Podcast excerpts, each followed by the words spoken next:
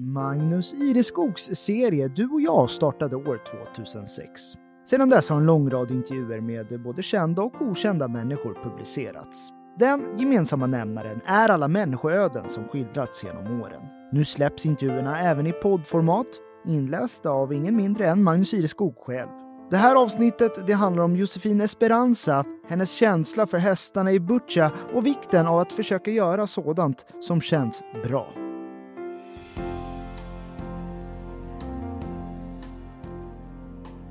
Ögat av livet är att möta sin häst i en sommarhage.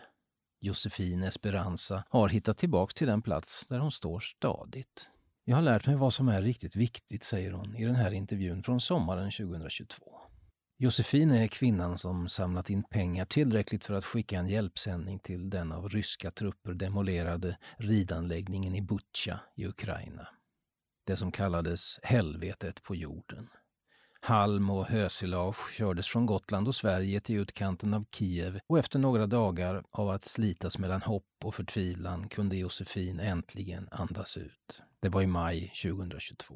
Hästarna hade fått sin mat och andra förnödenheter. Ja, faktum är att hela hon brast när meddelandet kom via Instagram. Lasten är framme. Alltså, det var så overkligt, så stort. Jag trodde knappt det var sant. Jag sjönk ihop i en hög och tårarna bara sprutade, berättar hon. Sen dess har hon under hösten fortsatt skicka förnödenheter till ridanläggningen i Ukraina. Vi ska återvända till Butja i den här intervjun, men först ut i hagen på Suderbys gård i Sjonhem.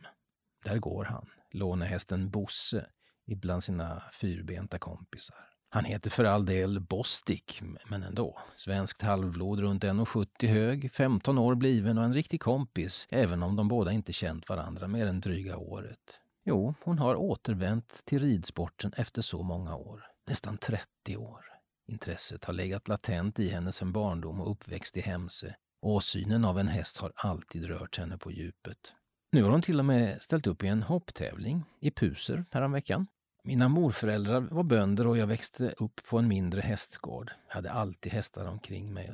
Det var hos dem jag kände mig mest hemma, berättar hon. Sedan, efter gymnasiet, slutade hon tävla och gav sig ut på andra livsbanor. Vi har lämnat hagen nu och satt oss i skuggan.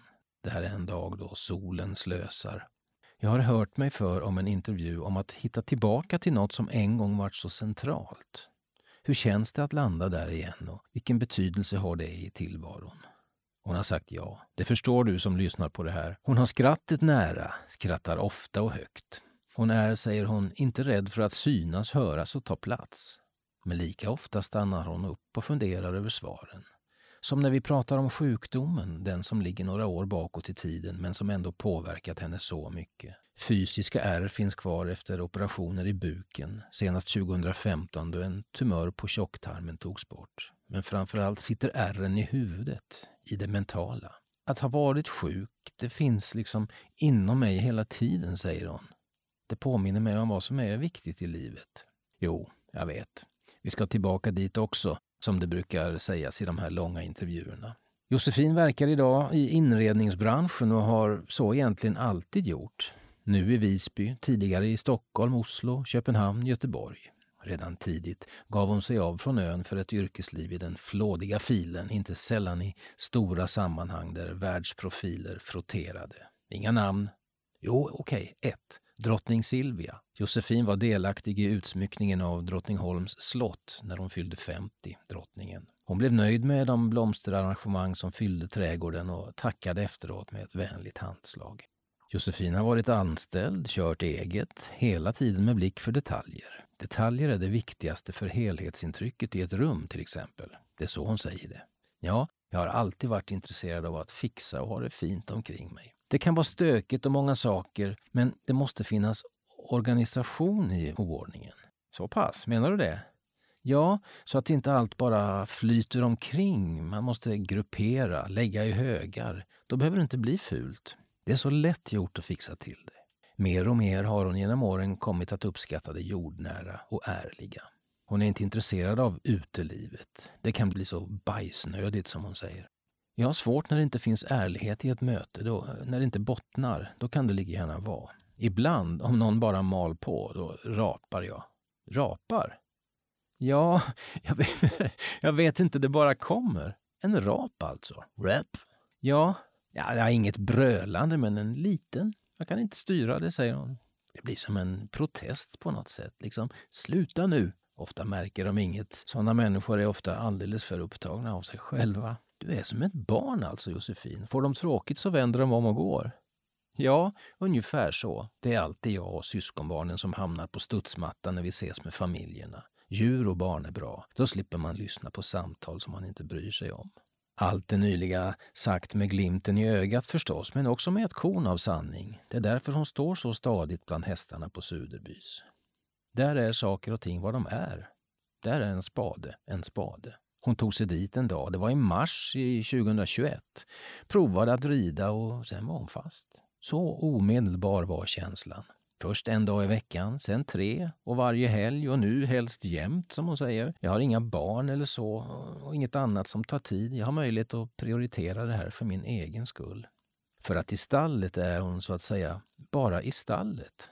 Inget annat upptar hennes tid. Inte kriget, pandemin, bensinpriserna, räntorna, regeringskrisen eller allt annat sårigt som tillhör livet. Allt som är i fokus är hästen, hästarna. Man når inte samspel med en häst om det inte finns tillit, närvaro och ärlighet i relationen, förklarar hon. Och får häst och ryttare tillit till varandra, då är den evig. Så är det inte bland människor, eller hur? Som när som helst kan vända en ryggen. Nej, precis så. Därför är det egentligen så mycket större att möta tillit och respekt med en häst än en människa. Hon inredde, fotograferade, stylade till magasin, restauranger och hotell. Ställde bokhyllan här och inte där, satte blomster i hörnen och ett hjärta på väggen tills det tog emot. Jobbet ska vara lustfyllt, inte kravfyllt, så hon avvecklade firman i Göteborg, det här är 2014, och flyttade tillbaka till Gotland. Jag var trött, sliten i kroppen, om för mycket jobb och kände efterhand att något inte riktigt var som det skulle. Nej, det där onda i magen, det gav sig inte. Vid läkarundersökningar visade sig att hon hade en tumör på tjocktarmen, vilken kom att opereras bort på Visby lasarett 2015. En stor och komplicerad operation där inte minst konvalescensen tog hårt. Hon tänker sig dit. Så många år har gått. Lång tid, men ändå så nära. Det kändes som jag förlorade en del av mig själv. Självkänslan försvann och jag isolerade mig från allt. Kompisar, relationer. Flyttade ut i skogen med mina hundar, trots att jag egentligen inte ville vara ensam. Det tog sin tid att komma tillbaka till den Josefin hon bar. Om än något mer erfaren. Ett helt år. Att vara fullt frisk och så händer sånt här. Hur tänkte du då? Minns du? Jag tänkte att livet var skört. Ja, men det visste du ju. Det vet alla. Jo, men hur ofta lever vi efter det? Vi tar så mycket för givet. Vi ska jobba tills vi går i pension och sen leva livets glada dagar. Men vad säger att det blir så?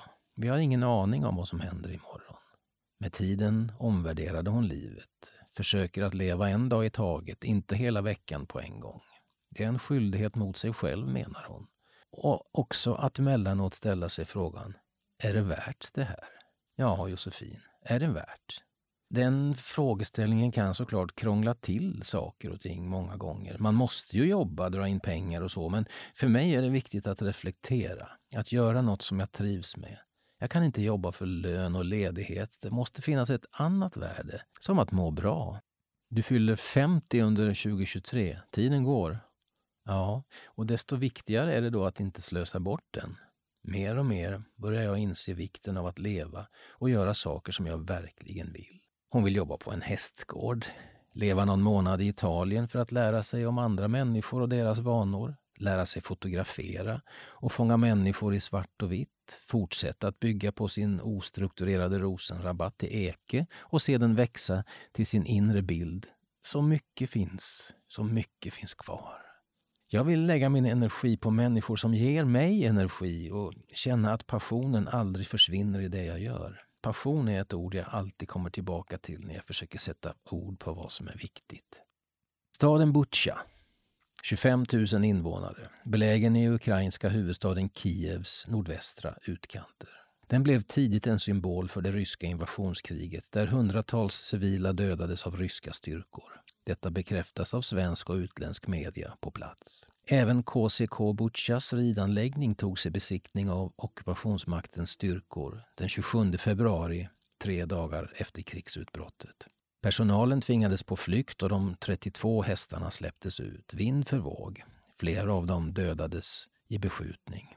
En av de anställda höll sig kvar på orten och lyckades när striderna var över och Butja lämnats i sönderbombat skick samla ihop ett femtontal av hästarna i en trädgård. En av dem hittades strövandes i ett köpcentrum i jakt på mat.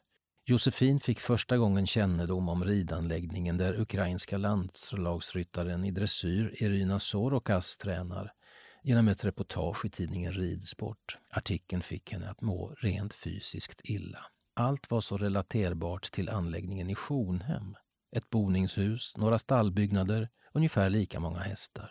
Det kunde varit här. Det blev så tydligt och kom så nära. De här människorna har det precis som man själv har det med hästarna. Man gör allt för dem och vill att de ska må bra. Så nära kom det.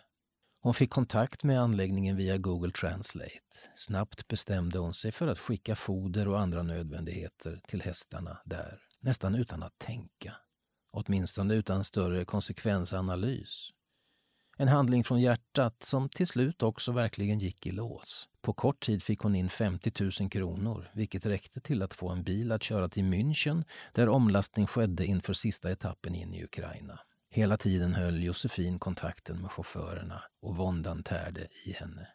Ja, du anar inte hur nervös jag var. Jag satt som på nålar. Att få grejerna till gränsen är inga problem, men att sen få dem ända till stallet.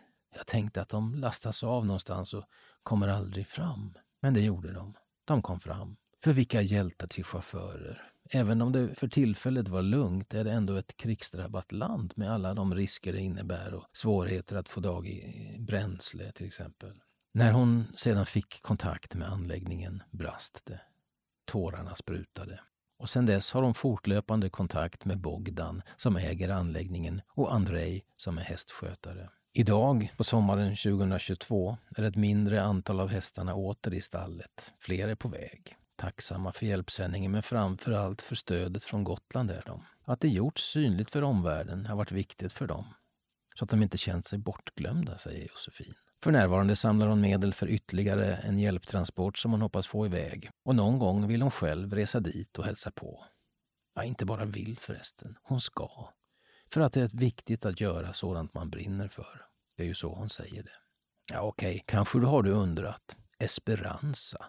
Josefin Esperanza. Vad är det för namn? De som känner henne från förr tänker, heter hon inte Öman? Jo då, det gör hon. Öman. I passet och hos Skatteverket. Men Esperanza är mycket roligare, tycker hon. Så det är så hon kallar sig.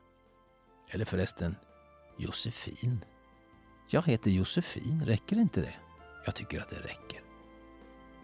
Ja, gillar du också Magnus Ireskogs intervjuserie Du och jag så finner du fler avsnitt på helagotland.se under poddar och program.